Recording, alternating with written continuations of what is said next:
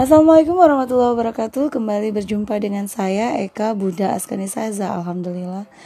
Pada kesempatan kali ini kembali ya Setelah ber, berhari-hari Bahkan mungkin lebih dari seminggu gitu Off untuk uh, rekaman siaran challenge podcast ya Di kelas podcastnya Coach Dias dan insya Allah kesempatan kali ini nggak akan saya sia-siain yang pasti memang udah kangen banget nih sama kalian semua ya.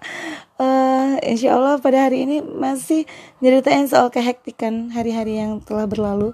Jadi memang uh, kemarin sempat off itu. Selain karena drop ya suara habis hilang dan sebagainya kemudian ditambah dengan uh, persiapan kita event ya di charity on Indonesia Independence Day Alhamdulillah ya semua berjalan lancar. Alhamdulillah Alhamdulillah banget. Pokoknya bersyukur sekali semua bisa dilalui dengan baik.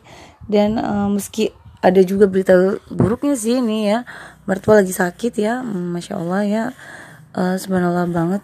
Kalau udah nemu yang namanya problem sakit sakit begini memang asli uh, saya berharap banget lah ya buat kita semua agar lebih jaga-jaga diri lagi. Karena memang ya yang namanya sakit nggak pernah di planning ya.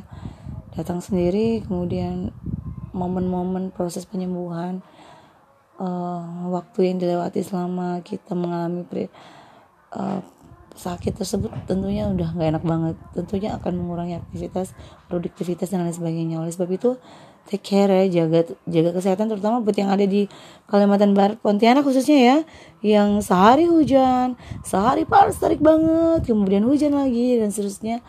Itu asli badan gempar ya. Nah oke okay, that's okay tetap kita optimis aja tetap kita ikhtiar yang terbaik ya untuk jaga kesehatan untuk tetap bisa uh, produktif untuk uh, berkarya terutama ya bagi para penulis. Semoga semakin banyak eh, ide-ide, uh, inspirasi yang datang dan uh, jangan pernah capek untuk uh, merencanakan kebaikan-kebaikan, meniatkan segala sesuatu yang uh, semoga Allah lapangkan ya untuk kita bisa realisasikan. Well, pada kesempatan kali ini saya memang pengen share sih tentang rencana-rencana saya ke depan gitu ya. Jadi uh, di komunitas perempuan menulis katulistiwa kita punya planning insya Allah ke depan kita pengen bikin publishing house sendiri kita pengen punya publisher dengan harapan bisa memotivasi kita ya diri kita sendiri nih untuk semakin semangat berkarya kemudian juga buat uh, Woman Writing World ya kita juga ada rencana ke depan uh, membangun sebuah akademi menulis buat perempuan dan anak-anak khususnya yang ada di Kalimantan Barat. Kalau untuk yang offline ya sedangkan untuk yang online kita bisa terbuka bagi siapa aja.